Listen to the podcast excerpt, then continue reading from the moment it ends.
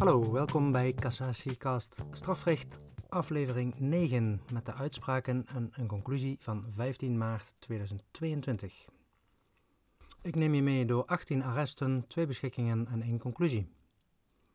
Dat lijkt veel, maar er is heel veel 81 euro toegepast dit keer, dus ik kan er vrij snel doorheen gaan. Enkele onderwerpen van deze keer. Het una via beginsel en ook het nebis in idem beginsel in één fiscaal strafrechtelijke zaak. Geweld bij een burgeraanhouding. Een lange proeftijd bij een voorwaardelijke gevangenisstraf en bijzondere voorwaarden daarbij. Kijk op cassatiecast.nl voor de show notes bij deze aflevering en de eerdere afleveringen. Je vindt er per aflevering een lijst met de besproken arresten, zowel de samenvattingen als ook een link naar het arrest op rechtspraak.nl. Erg handig en ook als je wat minder tijd hebt of liever leest dan luistert, kun je ook daar de uitspraken van die week vinden. Het eerste te bespreken arrest is er gelijk een die in vijf formatie, dus door de Grote Kamer van de Hoge Raad, is gewezen. Het is de zaak met nummer 364. Het gaat in dit geval om een OM-cassatie. In dit arrest gaat het met name om het Unavea-beginsel en het nebis in idem-beginsel. Er was een natuurlijke persoon vervolgd nadat er eerder al verzuimboetes waren opgelegd aan de rechtspersoon wegens het niet tijdig indienen van aangifte omzetbelasting en ook het niet of niet volledig betalen van die omzetbelasting. Het Hof vond dat de verzuimboetes in de weg staan aan een strafrechtelijke vervolging van de verdachte, wegens het opdracht geven of feitelijk leiding geven aan dat door de BV opzettelijk niet doen van de aangifte omzetbelasting.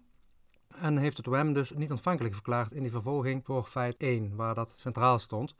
Dat oordeel is volgens de Hoge Raad onjuist.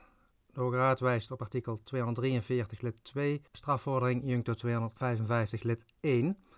En dan staan die bepalingen eraan in de weg dat na oplegging van een bestuurlijke boete dezelfde persoon voor hetzelfde feit opnieuw in rechten wordt betrokken, behoudens in geval van nieuwe bezwaren. Maar verdachte wordt als natuurlijke persoon vervolgd in de hoedanigheid van degene die opdracht heeft gegeven aan het door de BV begane feit, dan wel aan de verboden gedraging van die BV feitelijk leiding heeft gegeven, als voorzien in artikel 51 strafrecht, terwijl het Hof heeft vastgesteld dat eerdere verzuimboetes zijn opgelegd aan de BV. De enkele omstandigheid dat de verdachte ten tijde van het te bestuurder was van de in te bedoelde BV en door middel van een andere BV weer enig aandeelhouder was van de BV, maakt de beoordeling van de ontvankelijkheid van het OM in een vervolging niet anders. Het kan wel, zegt de Hoge Raad, reden zijn om zo'n omstandigheid te betrekken bij de straftoemeting. Er wordt ook naar Europees perspectief gekeken en dan zegt de Hoge Raad dat ook artikel 50 handvest van de grondrechten van de Europese Unie zich niet verzet tegen een dergelijke vervolging en wijst op het arrest Orsi en Baldetti. De Hoge Raad wijst er ook nog op dat er een fors verschil bestaat tussen de aard en de ernst van enerzijds de feiten die aanleiding kunnen geven tot die oplegging van een verzuimboete en anderzijds het onder één te lastiggelegde op artikel 69 lid 1 Algemene Wet op de Rijksbelastingen toegesneden feit. Dat komt onder meer tot uitdrukking in het in artikel 69 lid 1 AWR neergelegde opzet- en strekkingsvereisten. En de in artikel 69 lid 1 genoemde maximale straffen, waaronder een gevangenisstraf van maximaal 4 jaren, terwijl die verzuimboetes in dat opzicht relatief beperkt moeten worden beschouwd. Gelet daarop, zegt de Hoge Raad, ook nog kunnen zulke feiten in beginsel niet worden aangemerkt als hetzelfde feit op grond van artikel 68 strafrecht. En artikel 243 lid 2 strafvordering, Juncto 255 lid 1 strafvordering. Wijst ook terug naar een eerder arrest met oude LJN BM Bernard Marie 9102. Die zaak moet dus over voor wat betreft die beslissing ten aanzien van feit 1 en wordt ook teruggewezen naar het Hof. Dan bespreek ik twee samenhangende zaken in één. Dat is nummer 371 en nummer 373. Het gaat om jeugdzaken die zijn op openlijke geweldpleging. Beide zaken werd geklaagd over de afwijzing van het verzoek, een voorwaardelijk verzoek, om twee getuigen te horen, de vriendin van de aangever en een medeverdachte. En ze zouden nogmaals gehoord moeten worden, dus ze waren al een keer gehoord. Bovendien zijn ook wat bewijsklachten geformuleerd. Volgens de advocaat-generaal gaat het echter niet om een Keskin-situatie. Nu de getuigen dus al een keer zijn gehoord en de verdediging ook vragen heeft kunnen stellen aan die getuigen. En dan zegt de advocaat-generaal is extra motivering vereist bij het verzoek om die getuigen dan nog een keer te mogen horen. De bewijsklachten falen eveneens volgens de advocaat-generaal. In een van de zaken, nummer 373, werd ook nog een middel ingediend over de redelijke termijn die zou zijn overschreden in hoger beroep. Maar daarvan zegt de advocaat-generaal dat er geen verwerp is gevoerd in feitelijke aanleg, dus bij het Hof. En daarom had er ook geen reactie op moeten komen. De advocaat-generaal concludeert dus tot verwerping in allebei de zaken. En de Hoge Raad is het daarmee eens en doet dat zonder motivering. Dus met toepassing van artikel 81 lid 1 wet op de rechterlijke organisatie. Dan zijn er drie samenhangende zaken. De arresten met nummers 360, 361 en 362. In de eerste zaak werd een gevangenisstraf van 22 maanden opgelegd wegens het medeplegen van diefstal door middel van valse sleutels, medeplegen van oplichting van bloemen- en plantenwinkels en houtzagerij en deelname aan een criminele organisatie. Er werden zes middelen ingediend, hoofdzakelijk bewijsklachten, die allemaal met 81 euro worden verworpen. Het middel over de redelijke termijn in de cassatiefase slaagt wel, waardoor de Hoge Raad de gevangenisstraf vermindert. In nummer 361 ging het om medeplegen van afpersing. Ook daar wordt artikel 81 euro toegepast. Er was een klacht ook ingediend over het niet beslissen op een uitdrukkelijk onderbouwd standpunt. Maar volgens de advocaat-generaal kan wat is aangevoerd niet worden aangemerkt als een uitdrukkelijk onderbouwd standpunt. En had dus daar het Hof niet apart op hoeven reageren.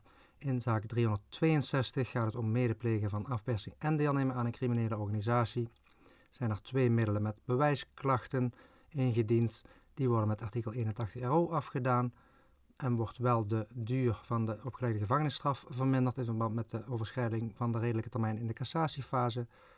De benadeelde partij had ook nog een schriftuur ingediend, maar daar slaat de Hoge Raad geen acht op, want die is niet binnen de wettelijke termijn ingediend. De termijn verliep op vrijdag en de schriftuur is ingediend op de zaterdag. Dus één dagje is dan wel weer fataal. Uh, los daarvan zegt de advocaat-generaal trouwens dat ook het middel niet had kunnen slagen. Dat is dan weer een schadetroost voor de advocaat. De zaak met nummer 367 ziet op hennepteelt en de daarmee gepaardgaande diefstal van elektriciteit is een zaak van mijzelf. Ik had geklaagd over het bewijs van het opzet en ook het daderschap. De advocaat-generaal zegt van ja, die bewijsconstructie steunt niet alleen maar op de gebezigde bewijsmiddelen, maar ook op een bewijsoverweging. En daaruit blijkt dat het Hof de verklaring van de verdachte niet aannemelijk onaannemelijk zelfs en ongeloofwaardig acht. En die verklaring hield in dat een ander de hennepkwekerij had opgezet en dat hij daar niets van af zou weten. En dat daarom dus de verdachte door het Hof verantwoordelijk wordt gehouden als eigenaar van de woning voor de in zijn woning aangetroffen hennepkwekerij en diefstal van elektriciteit. De verdachte had in die zaak verklaard dat hij de sleutel van de woning aan een ander had gegeven die daar vervolgens zou verblijven, maar dat dus een hennepkwekerij had opgezet. Hij had ook verklaard dat hij dus zelf elders verbleef. En toen het Hof vroeg van en hoe zit het dan met de post die daar bezorgd wordt, had hij gezegd van ja, dat wordt in een mandje in de heg voor mij neergelegd.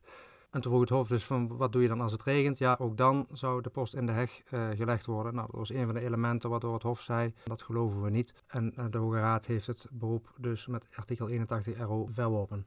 Zaak 375 is een jeugdzaak over het medeplegen van een diefstal van een mobiele telefoon.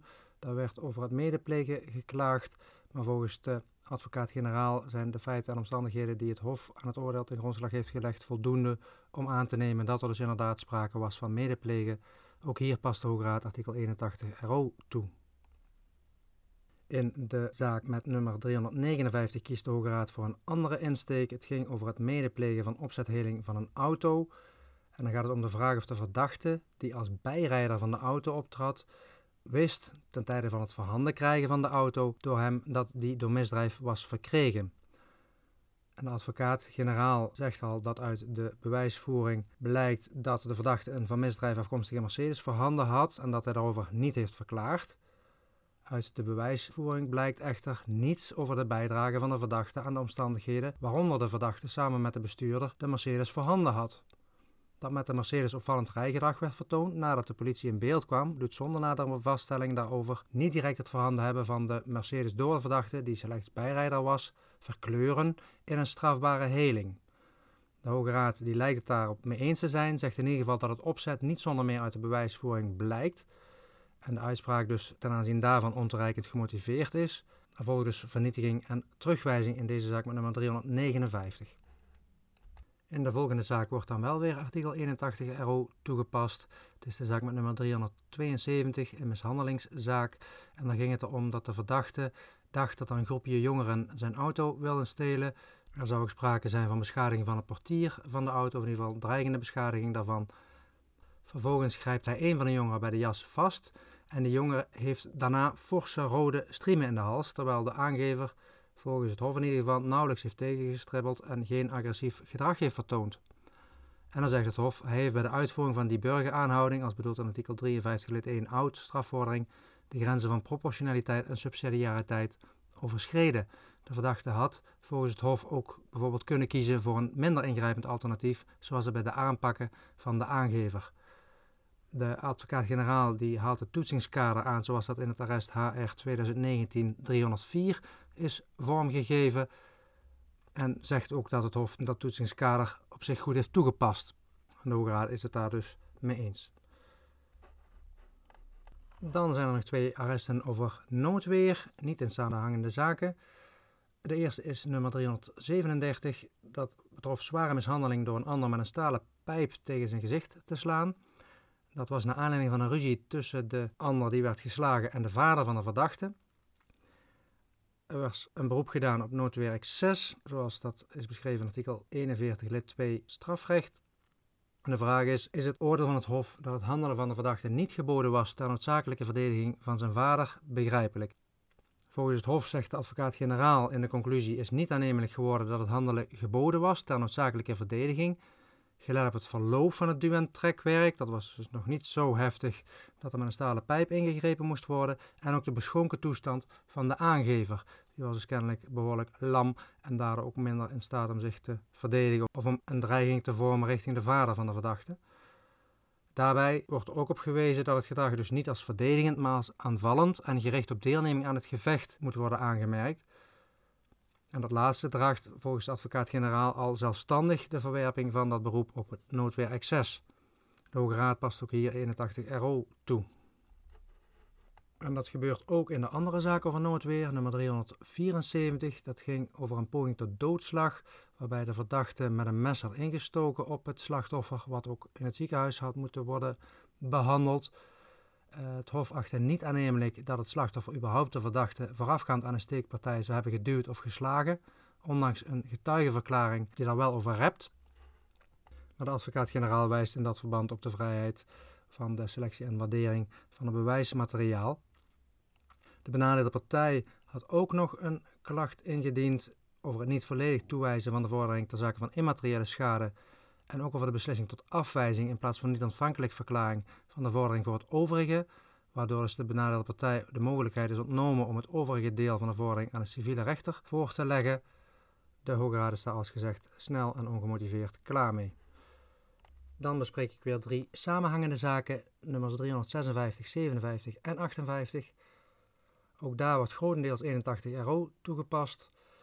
In 356 gaat het over het witwassen van bitcoins, ook het voorhanden hebben van wapens en munitie. En werd voornamelijk geklaagd dus over dat witwassen van bitcoins. Tevergeefs dus in 357 gaat het over het witwassen van bitcoins ook. En ook het medeplegen van hennepteelt, opzettelijk aanwezig hebben van amfetamine en cocaïne. En het voorhanden hebben van een gas- en alarmpistool.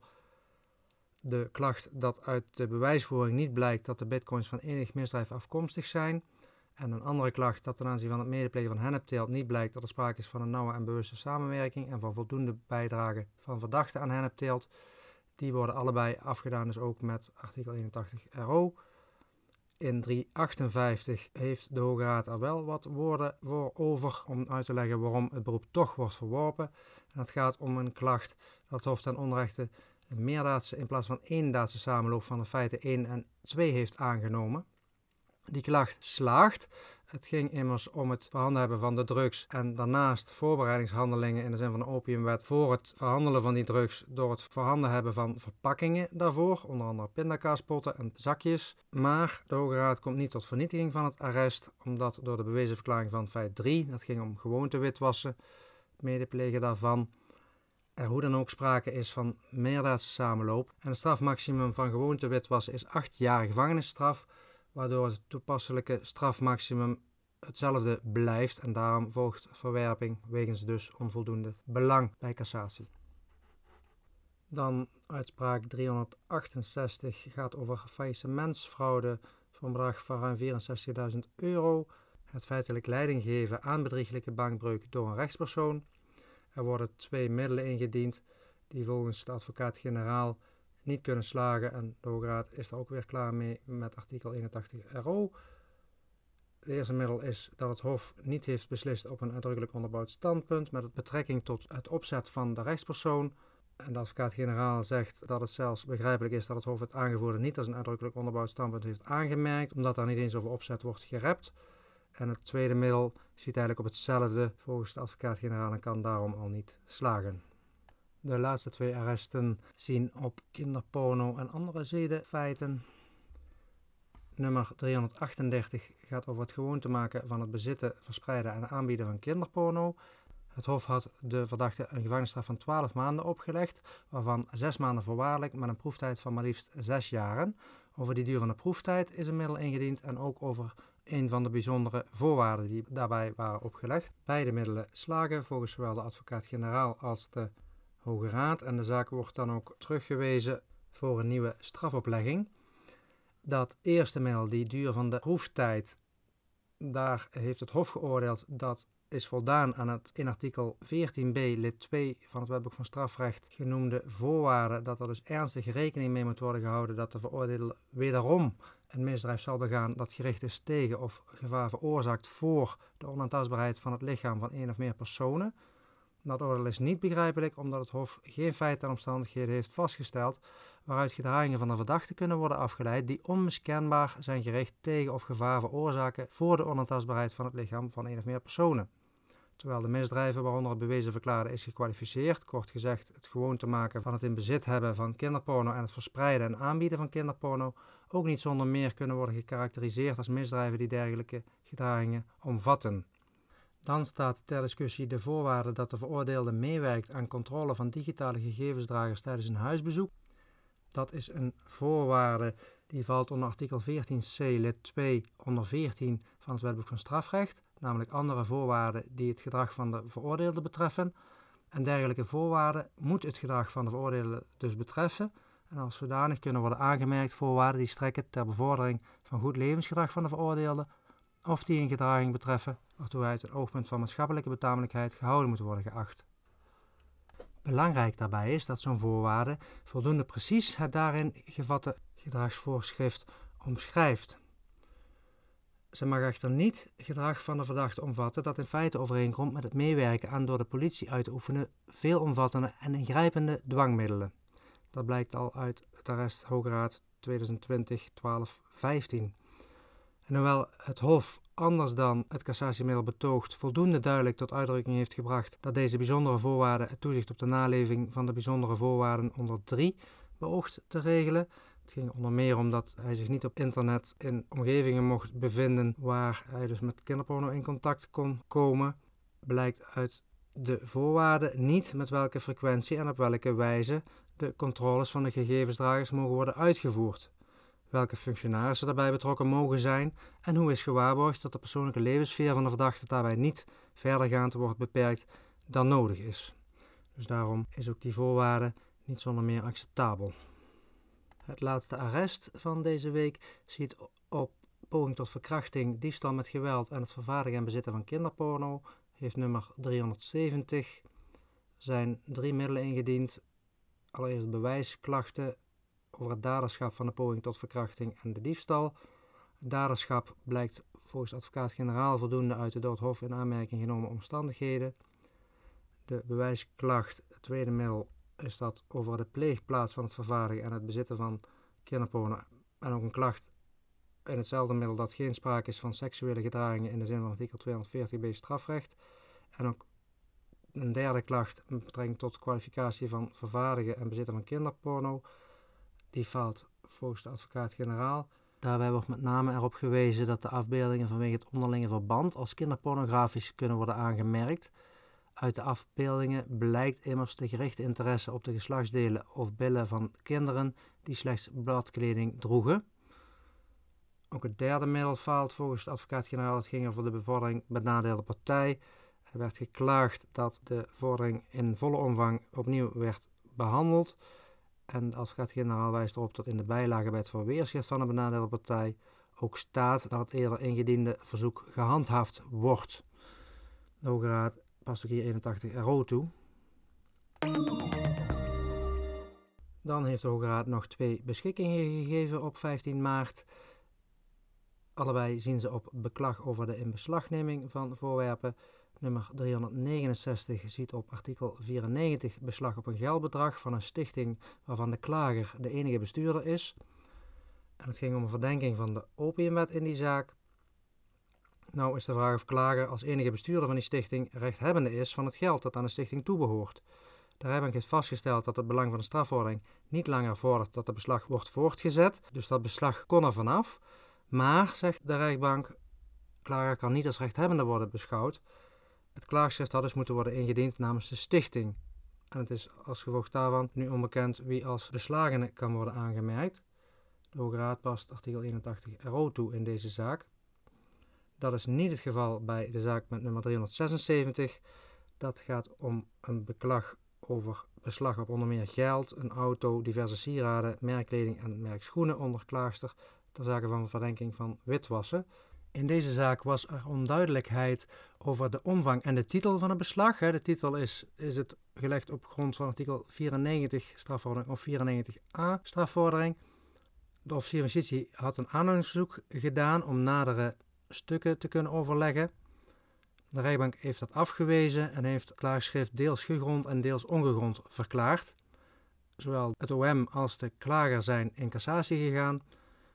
Na aanleiding van het middel van de officier van justitie zegt de Hoge Raad dat de afwijzing van het aanhoudingsverzoek op de grond dat de titel en de wettelijke grondslag voor het beslag onduidelijk waren, niet toereikend is gemotiveerd. En daar wordt een beroep gedaan op artikel 23 lid 1 en 23 lid 5 strafvordering.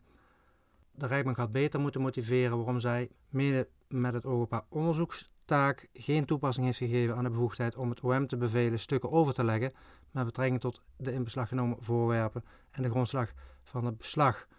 Dat had de rechtbank dus kunnen doen en had het OM dan alsnog die documenten niet aangeleverd, dan kon de rechtbank daar consequenties aan verbinden. Maar nu heeft de rechtbank de officier daar niet eens toe in de gelegenheid gesteld en is daarom het oordeel van de rechtbank niet zonder meer begrijpelijk.